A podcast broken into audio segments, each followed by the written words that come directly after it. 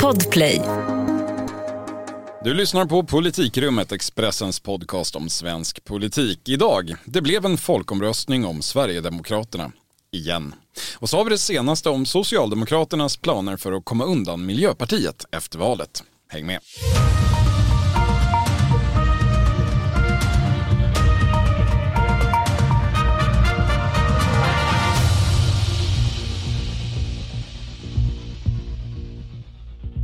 Det är tisdag den 30 augusti och ynka 12 dagar kvar till valet. Dags för Politikrummets näst sista sammanträde för den här mandatperioden. Jag heter Viktor Bartkron och med mig idag för första gången den här höstsäsongen Thomas Nordenskjöld. Hej! Hallå, hallå! Känns det som att vi har läget under kontroll? Jo, men så här långt tycker jag väl det. Alltså jag ska erkänna att jag är lite sliten, men det är ju ändå roligt med val och vi har väl bara sådär fyra månader av regeringsbildning att se fram emot. Sen kanske man kan få vara lite ledig. Nej, för då börjar ordförandeskapet i EU. Hörru, den vanligaste frågan som jag får just nu och säkert du också och säkert alla andra som är i vår bransch det är ju hur går det egentligen i valet? Jo men det där känner jag igen. Mm, det är ju en bra fråga men den är inte alldeles lätt att svara på. Dels för att det är ett framtida scenario men också för att eh, opinionsmätningarna som vi brukar förlita oss på i någon mån de har varit rörigare än vanligt med dagliga uppdateringar som inte sällan har spretat åt helt olika håll. Det har varit lite så att alla har kunnat välja sin egen opinionsmätning beroende på politisk preferens. Men just nu, klockan 13.01, tisdagen den 30 augusti, så tror vi oss i alla fall ana vissa tendenser, Thomas. Jo, men det gör vi. Alltså, de flesta mätningar visar ju ändå faktiskt på en viss övervikt för vänstersidan. de fyra partierna som föredrar Magdalena Andersson som statsminister. Alltså, på den andra sidan går Sverigedemokraterna framåt, kan vi också konstatera, och är större än Moderaterna i mätningarna just nu. Alltså, Moderaterna ser ju faktiskt ut att vara på väg mot ett riktigt dåligt val om vi ska tro de här mätningarna. Och vi är väl så illa tvungna eh, att göra det och just den bilden finns som sagt i flera av varandra oberoende mätningar. Och då är ju frågan, hur analyserar partierna läget just nu med mindre än två veckor till valdagen? Förtidsröstningen för övrigt i full gång, hundratusentals människor har redan röstat. Va, va, hur går snacket som jag brukar fråga dig? Ja, alltså min bild när man följer den här valkampanjen och pratar med strateger om olika partierna är att den här valrörelsen i ganska stor utsträckning nu präglas av en konflikt mellan Socialdemokraterna och Sverigedemokraterna. Alltså enligt både S och SD när man pratar med, dessa, med, med som deras strateger och kampanjansvariga är detta väldigt tydligt ute i landet. Alltså att huvudkonflikten i det här valet i första hand inte står mellan Moderaterna och Socialdemokraterna utan då Magdalena Andersson och Jimmy Åkesson och att Moderaterna i detta hamnar lite vid sidan av. Det är ju en bild som jag tror att många känner igen och den är ju inte helt otacksam för de närmast berörda heller om man då bortser från Moderaterna. Sen underlättar det förstås inte heller när Moderaternas huvudmotståndare så Socialdemokraterna gör sitt bästa för att väl driva i stort sett samma frågor som Moderaterna. Jag har tänkt på det flera gånger när jag gått på stan att man kunde nästan ha bytt valaffischer med varandra där. Det, eh, ja, det. Nu får vi ordning på Sverige, vårt Sverige kan bättre. Skärp straffen, skärp straffen, högkostnadsskydd för elen mot högkostnadsskydd för elen. Det är inte helt lätt för Moderaterna att sticka ut i den här valrörelsen.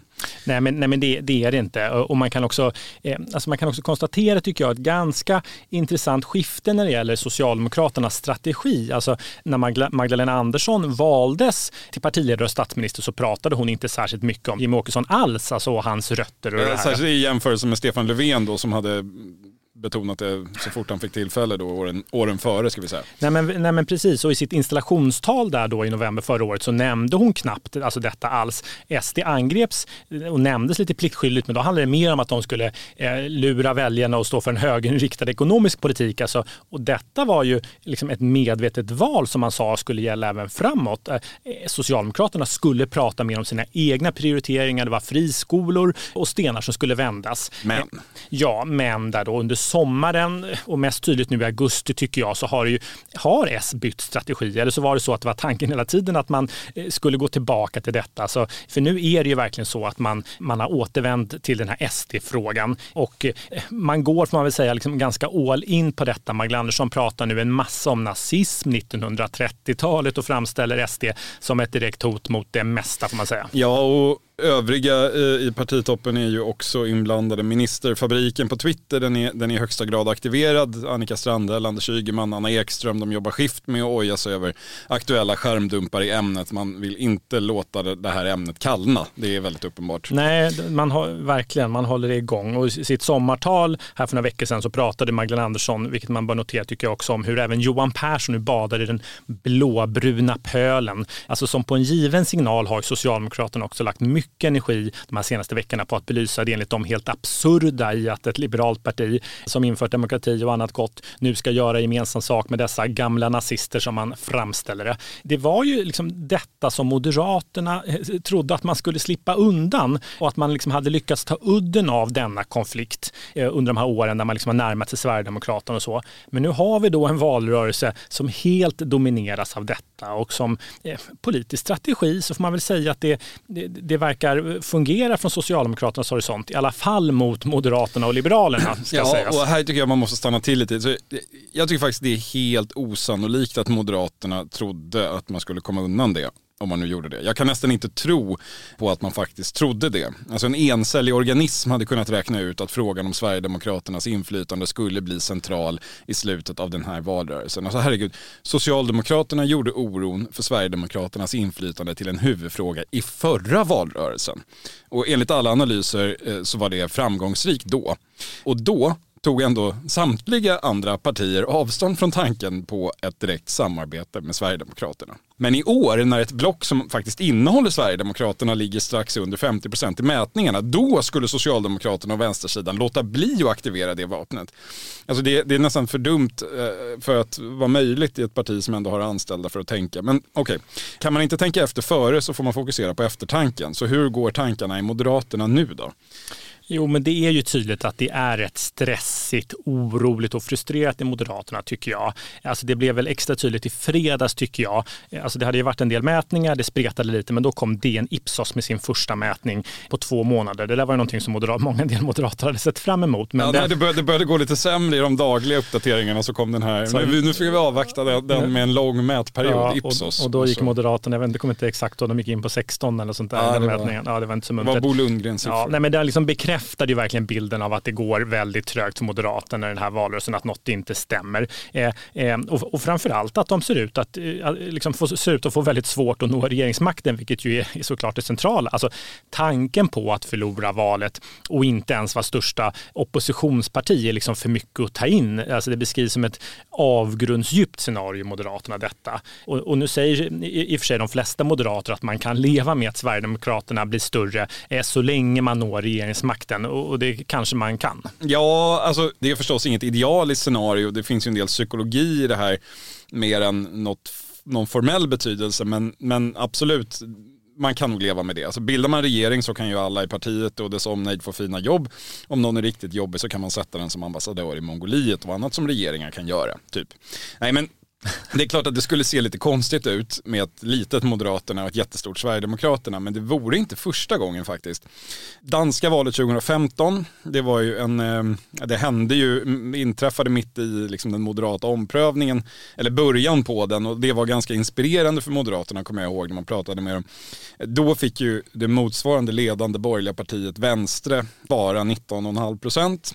Dansk Folkeparti som hade varit deras stödparti, alltså Sverigedemokraternas motsvarighet, de blev större, de fick drygt 21 procent. Det blev en, var det då det blev en enpartiregering? Ja, det först? blev en enpartiregering för Vänstre då, detta 19,5 procents parti med stödpartier då, ja, liberala konservativa stödpartier och Dansk Folkeparti fortfarande då som stödparti, inte i regeringen. Det gick. Förebildligt då för Moderaterna, kanske inte riktigt lika mycket längre. Man sett dansk politiks utveckling efter det har ju inte varit så uh, gynnsam för högersidan eller borgerligheten eller någon, någonting som Moderaterna vill inspireras av. Vänster har säkrat ihop, Dansk Folkeparti har ju för övrigt, de finns knappt längre. Och han som var statsminister i den där 19,5 procents regeringen, Lars Löcke Rasmussen, han blev uppenbarligen så bränd av den här erfarenheten att han startade ett nytt parti som lustigt nog heter Moderaterna. Och vars huvudfråga Tänka är att man sig. istället borde göra upp i den breda mitten av dansk politik. Han blev Annie Lööf. Ett sidospår om än spännande. Verkligen. Men det är i alla fall tydligt tycker jag, alltså att man redan nu börjar se skyttegravarna grävas och för, förberedelserna till det här stora inbördeskriget som sannolikt då väntar i Moderaterna om man inte når regeringsmakten och ännu mer pyser ihop till 15-16 procent i, i, i, opposition. Då, då Alltså det är ju närmast existentiellt detta för Moderaterna. Alltså man, är, man är väldigt oroliga för att tappa den här positionen som ledande politisk kraft till höger i svensk politik som man faktiskt haft i snart 50 år. Ja, det är som valet 79. Nio, ja, mm. Valet 76 var senast ett annat parti till höger och mitten blev störst, det var Centerpartiet då.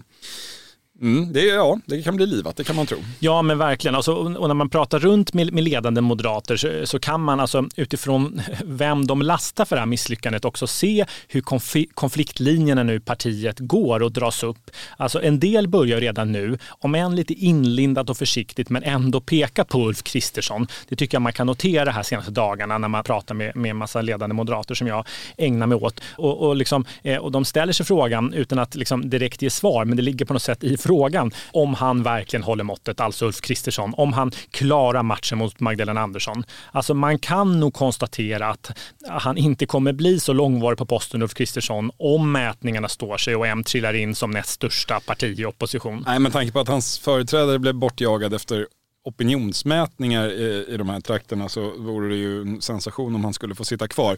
Men i sak där, ja nej, vissa frågor, eh, där ligger ju svaret i själva frågans formulering, till exempel att man ifrågasätter partiledaren på det sättet. Men eh, det är klart att det är en uppförsbacke när sittande statsminister har förtroendesiffror en bit över 50 procent och en väldigt positiv förtroendebalans långt in i oppositionslägren.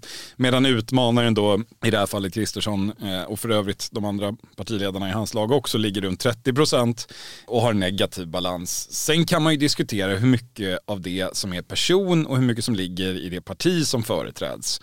Jag menar att Per Bolund har urusla förtroendesiffror det beror ju sannolikt betydligt mer på att folk ogillar Miljöpartiet och Miljöpartiets politik än på att den ändå i sammanhanget helt oförarglig och färglös Per Bolund skulle vara något särskilt avskräckande i sig, tänker jag. Det kan ju finnas en sån mekanism i spel också. Eh, så kan det vara. Eh, men alltså för att återvända då till mina skyttegravar, eh, för det finns då en annan del av Moderaterna som är mer lojal med den nuvarande ledningen som då också är ute och gräver skyttegravar, men som snarare pekar på att det är Elisabeth Svantesson och hennes, som man då beskriver det, oförmåga att dra nytta av hushållens oro för ekonomin som är liksom då orsaken till partiets bekymmer. Alltså att man inte lagt tillräckligt fokus på att ta fram nya reformer som möter detta. Eh, och alltså detta är intressant tycker jag eftersom vi som ägnat oss åt eh, dessa interna spänningar som finns inom Moderaterna vet att det som länge ifrågasatt Ulf Kristersson internt, han har egentligen varit ifrågasatt hela tiden, haft Elisabeth Svante som, som sin liksom främsta kandidat att föra fram. Om hon verkligen kommer att vara det efter ett eventuellt valmisslyckande, det återstår väl att se. Sedan tycker jag eh, att något, annat som är värt att notera här är att det alltså inte, i alla fall inte som det verkar nu finns någon betydande debatt internt om hur partiet ska förhålla sig till Sverigedemokraterna. Nej, jag, delar bilden av hur, hur, hur tongångarna går. Samtidigt tycker jag att det, det säger väldigt mycket om Moderaternas problem. Jag menar, så här, eh, det är ju möjligt att Ulf Kristersson är en för svag kandidat, kanske till och med troligt. Men jag skulle nog säga att det gäller ju för alternativen också. Alltså Elisabeth Svantesson och Johan Forsell då, för att ta de som oftast nämns. De har ju själva tillhört partiledningen i en herrans massa år under olika epoker. De har varit i tv varenda kväll i åratal känns det som. Och, och de delar ju Ulf Kristerssons grundläggande trovärdighetsproblem.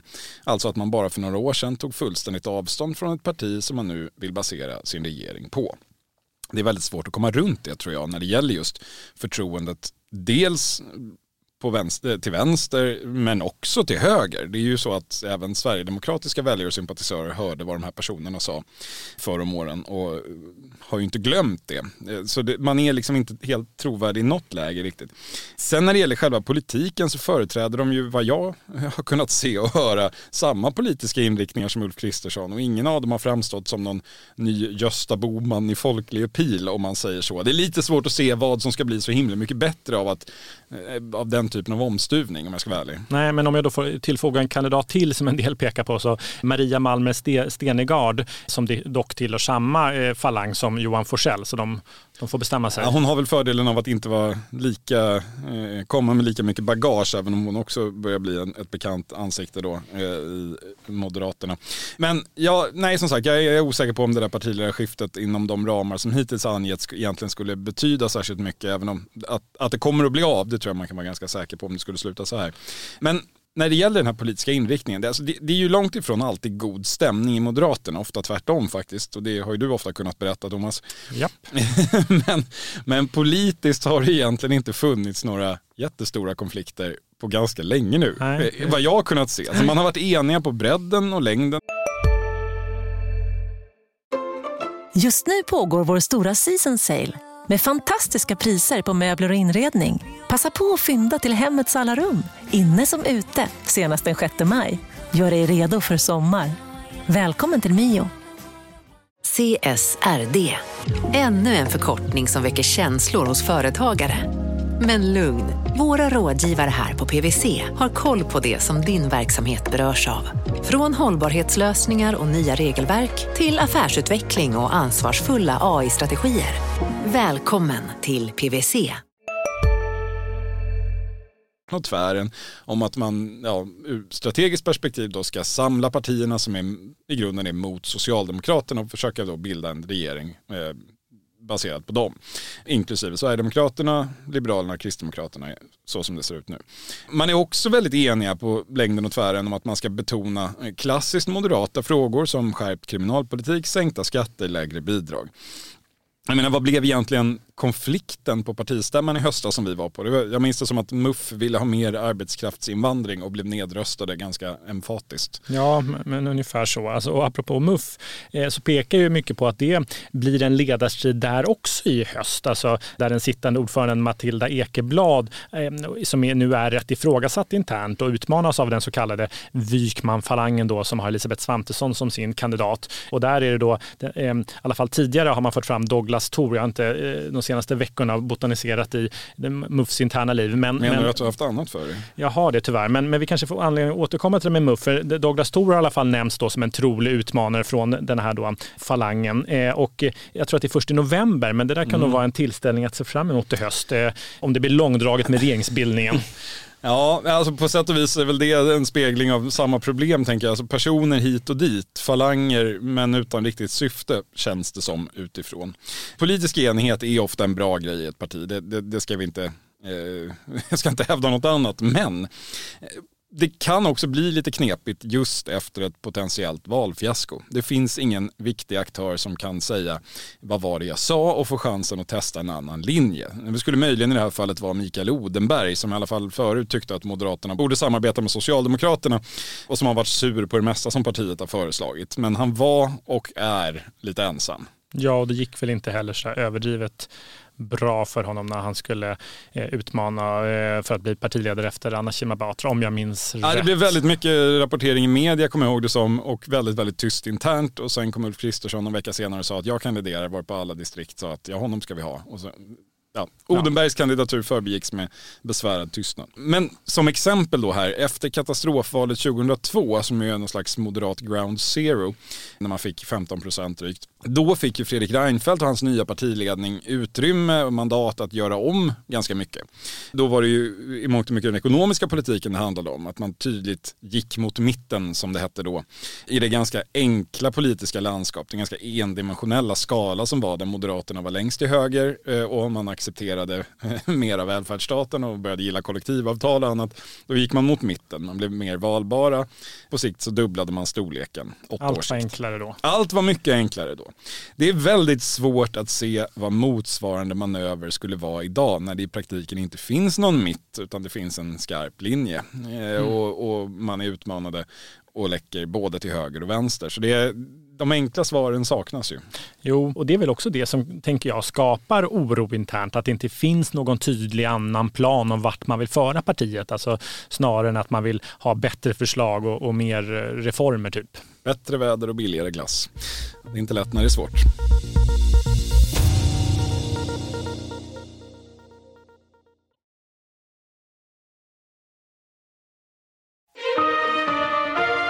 Så långt Moderaterna och det får vi säkert anledning att återkomma till. Men om vi istället ska ta och fokusera lite på Team Magda, alltså det som förut var känt som Socialdemokratiska arbetarepartiet. Eh, Eh, vad tänker man där om sakernas tillstånd? Är allt fullständigt utmärkt? Ja, alltså inom Socialdemokraterna är man ju rätt segervissa som vanligt får man väl säga. Man har väl egentligen aldrig trott att man skulle förlora detta. Det ligger liksom inte för, för Socialdemokraterna. I alla fall inte efter att Stefan Löfven avgick. Nej, eh, exakt så. Men, men nu känner sig partitopparna uppenbart så eh, pass säkra på sin sak att de, och de som befolkar regeringskansliet, att de börjat fundera över regeringsbildningen, alltså något som man tidigare skjutit ganska mycket framför sig. Men, men det är ju mycket som är oklart eh, när det gäller hur Socialdemokraterna ska få ihop sitt lag, får man säga. Men det börjar i alla fall nu när man lyssnar runt eh, bli tydligt vad S ser framför sig och vad S vill och att det inte inkluderar Miljöpartiet. Kan man tänka sig? Ja, alltså man är faktiskt fruktansvärt, eh, för att låna ord från en jag pratade med häromdagen, fruktansvärt osugna på att regera ihop med Miljöpartiet igen. Alltså lyft luren till första bästa eh, sosse i regeringskansliet så får du höra.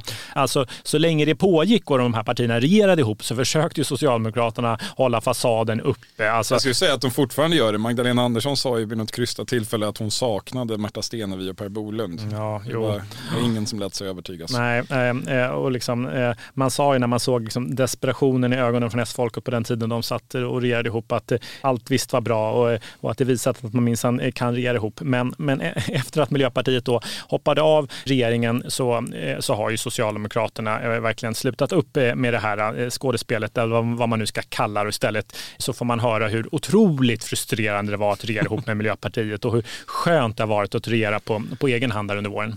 Ja, jag ska säga orsakssambanden här är ju inte helt glasklara eftersom Socialdemokraterna bytte partiledare i samma veva som Miljöpartiet hoppade av. Men det hade onekligen varit lite intressant att se om eh, den beryktade Magda-effekten, alltså Socialdemokraternas eh, opinionsuppsving över det senaste året som då inte bara hade med Ukraina-krigets utbrott att göra utan kom tidigare än så. Om den effekten verkligen hade varit densamma om Miljöpartiet hade suttit kvar i regeringen. Jag misstänker att det hade varit åtminstone lite trögare. Ja, och S eh, började ju också i mycket rask takt eh, efter att Miljöpartiet hoppade av fatta en massa beslut rörande gruvor och slutförvar och annat och så. Och, eh, och så förhandlade man med, om utlämningar med Turkiet och lämnade in en NATO-ansökan. En hel del har hänt under det här året som har gått. Men ur valrörelseperspektivet så har man ju också framförallt kunnat driva sin hårda tag-agenda som ja, om än mest som opinionsbildning, men ändå utan att journalisterna omedelbart går till Märta Stenevi för att få eh, utverka ett veto. För det är ju lite så det har varit tidigare, att Socialdemokraterna har försökt gå ut och liksom sätta ner foten, vara tuffa och, om invandring och brott och sen har det omedelbart kommit en miljöpartist och sagt att det där kommer regeringen inte alls att göra. Eh, den, den, dynamiken har ju varit borta och det, det tror jag har varit, eh, att de har varit väldigt glada för även ur liksom, det valrörelseperspektivet. Ehm, eh, och, och från er sida så är man i varje fall tydliga med att det, det, det, bästa för alla inblandade är om MP kan få en roll utanför regeringen som... Vad omtänksamt. Det är väldigt snällt alla inblandade. Som någon form av samarbetsparti. Alltså, och det här handlar ju också, när man lyssnar in ändå och pratar med de här ledande personerna i, i regeringskansliet och, och eh, högt upp i S, så handlar det ju om då också, pekar man på den här liksom agendan, dagordningen som ligger framför nästa regering som kommer präglas mycket av då som man pekar på energikris, gängvåld och allmänt elände som S då gärna vill kunna lösa genom att luta sig högerut eh, med olika blocköverskridande uppgörelser. Och det, försvårar om, eh, det försvåras om då Miljöpartiet är med eh, som man ser det. Vänsterpartiet pratar man inte så mycket om, tycker jag mig se och höra. Alltså S tenderar att glömma Vänsterpartiet. Men det ska alltså, kan man, ska man kanske tillägga här, inte ingå i regeringen de heller, enligt Socialdemokraterna. Enligt Vänsterpartiet eh Jo, eh, och glömma Vänsterpartiet gör man ju på egen risk numera kanske vi ska flika in. Men man är ju återigen, jag får återvända till, till mina danska eh, exempel, men eh, även om man inte går lika långt politiskt som det danska systerpartiet så är ju Socialdemokraterna i Sverige eh, väldigt inspirerade av hur Mette Fredriksson bildade regering efter förra valet i Danmark. En socialdemokratisk enpartiregering som just kunde göra upp i de tunga frågorna högerut. Men eh, det är några som ska med på det tåget då. Ja men så är det. Men, men det man från S då skissar på eh, och kommer verka för är liksom, ska man ha klart för sig, det är, det är ingen enpartiregering med bara Socialdemokraterna, i alla fall om, om de själva får bestämma om man ska tro dem, utan man man vill verkligen ha med sig Centerpartiet i regeringen. Alltså Miljöpartiet ska ersättas av, av, av centerpartister i Rosenbad. Alltså drömscenariot för Socialdemokraterna här, som det verkar, är en SC-regering som kan samarbeta med Vänstern och Miljöpartiet om budgeten, men också vända sig högerut i andra frågor. Eh, sen kan man ju diskutera hur troligt det här scenariot är. Ja, jag tror det när jag ser det får jag säga. Ja, alltså, men ambitionen är i alla fall att, äh, att regera med Centerpartiet. Liksom det, den tycks genuin. Man vill verkligen det. Analysen är att Centerpartiet i regeringen eh, kommer tvingas också ta ett större ansvar för att säkra stöd för regeringens politik än man hade gjort om man bara var samarbetsparti och ska kräva olika saker. Alltså jag, jag, jag, tror säkert att Socialdemokraterna själva vill det. Jag tror att man ser långsiktiga strategiska fördelar i det. Att knyta Centerpartiet ännu närmare. Jag tror säkert också att en sån regering i sig skulle kunna funka helt eh, okej okay, och åtminstone väldigt mycket bättre än en S-MP-regering. Eh, det är ju, Socialdemokraterna och Centerpartiet är ändå betydligt närmre eh, varandra i politisk kultur än vad S och MP är. Jo, eh, det jag däremot inte förstår är ju varför Miljöpartiet eller för den delen Vänsterpartiet skulle acceptera just det här upplägget. Ja, och då, och då, ska man väl också säga att det finns faktiskt när man, när man ändå ställer lite motfrågor och lyssnar in noga så ska man säga att det finns ganska mycket interna tvivel även inom S om man verkligen kommer lyckas med detta. Alltså Miljöpartiet är ju väldigt tydliga med att de verkligen vill in i regeringen igen, alltså av samma skäl antar jag då som att Socialdemokraterna vill hålla MP utanför, så vill Miljöpartiet in. Att Miljöpartiet ska få inflytande i svensk politik helt enkelt. Eh, ja. Just så, ganska logiskt. Eh, alltså, alltså, det är ju så här tycker jag, i efterhand tydligt vilken maktbas som, miljö, som miljödepartementet utgjorde för Miljöpartiet i regeringen och hur mycket av regeringens politik Miljöpartiet kunde påverka därifrån. Alltså när jag pratar med miljöpartister eh, så är de väldigt tydliga med att de ska in igen i regeringen och att man skulle då acceptera att Centerpartiet tar deras plats och styr då sannolikt miljödepartementet och börja riva, riva i mycket av det här som Miljöpartiet älskade att eh, detaljstyra medan MP får ha rollen som någon form av eh, samarbetsparti som får tycka till lite i riksdagen. Nej, det framstår inte som särskilt lockande för Miljöpartiet, tror jag. Nej, säkert inte och eh, helt logiskt i så fall. Men jag tänker att det här i minst lika hög grad och minst lika problematisk grad för idén gäller Vänsterpartiet. Alltså Miljöpartiet har ju ändå, om man ska vara lite snäll mot idén, en viss ambivalens inför det här med regerandet efter åtta eller sju blev det, eh, ganska tunga år. Det har ju hela tiden funnits röster i partiet som ändå har sett ett värde i att stå utanför. De rösterna eh, tystnade ju ganska mycket under våren när det gick så in i helsike dåligt i opinionen efter att Miljöpartiet lämnade regeringen. Men om man nu ser ut att... Nej, men nu ser man ändå ut att kunna, ja, om, om de här skakiga opinionsmätningarna stämmer så snittar man väl någonstans över 5 procent. Det vore ju en jätteframgång för Miljöpartiet med tanke på hur det har sett ut och att man fick 4,4 i förra valet. Så, ja. Men Vänsterpartiet har ju inte den ambivalensen. De vill verkligen sitta i regeringen entydigt så. Min bild är att de ändå är medvetna om att det nog inte kommer att bli så till slut. Men att det verkligen kommer bli dyrt att hålla dem utanför. Mm. Om vi då tänker oss att Vänsterpartiet tvingas stå utanför regeringen, mest ytterst eh, avgörande för att Centerpartiet absolut vägrar släppa in dem. Varför i hela friden skulle Vänsterpartiet då acceptera att Centerpartiet får ministerposter? Mm, ja. Alltså det handlar ju inte bara om prestige utan det handlar om att Vänsterpartiet har uppenbara politiska skäl att föredra en ren socialdemokratisk regering framför en där Martin Ådahl eller någon annan centerpartist sitter och domderar på finansdepartementet eller socialdepartementet eller var de nu hamnar. Alltså de har inget att förlora heller på att driva det här kravet in i väggen för Vänsterpartiets väljare vill ha Magdalena Andersson som statsminister, absolut, men de vill inte ha Annie Lööf som minister. Alltså, Centerpartiet och Vänsterpartiet blockerar varandra. Och när de har gjort det, då kommer de hitta ett gemensamt intresse. Det här kan de enas. Att Miljöpartiet inte heller ska sitta i regeringen och den vägen få ett större inflytande än de andra samarbetspartierna. Så för mig blir det... Alla enas kanske? Ja, att Miljöpartiet ja, inte ska ingå? Ja, alltså för mig blir den uppenbara utvägen att stödpartierna upprättar något slags terrorbalans mellan varandra och att Socialdemokraterna regerar själva till slut. Vilket Socialdemokraterna förmodligen kommer tycka är kanon, men de kommer heller inte ha så mycket att välja på om de ska få ihop det. Men det är förstås bara en teori. Det är överhuvudtaget fascinerande tycker jag hur Socialdemokraterna kan vara så övertygande, övertygade om att de ska lösa detta.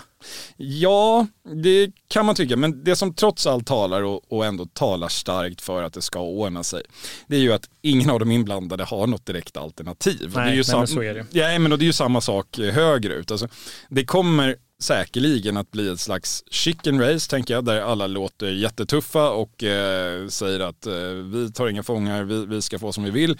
Men i slutändan så vill ingen stå med skulden för att regeringsbildningen havererar fullständigt.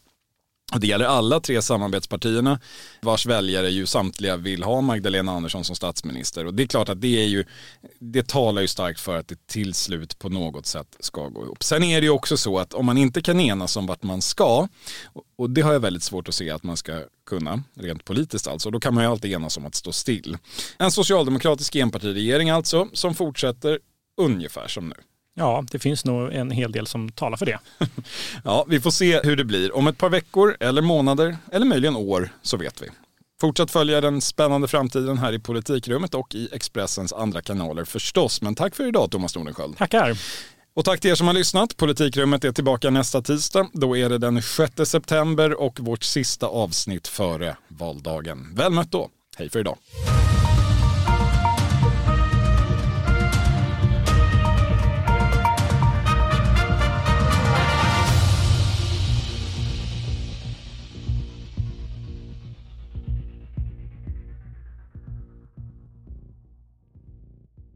Du har lyssnat på en podcast från Expressen. Ansvarig utgivare Klas Granström. Hej, Synoptik här. Visste du att solens UV-strålar kan vara skadliga och åldra dina ögon i förtid? Kom in till oss så hjälper vi dig att hitta rätt solglasögon som skyddar dina ögon. Välkommen till Synoptik.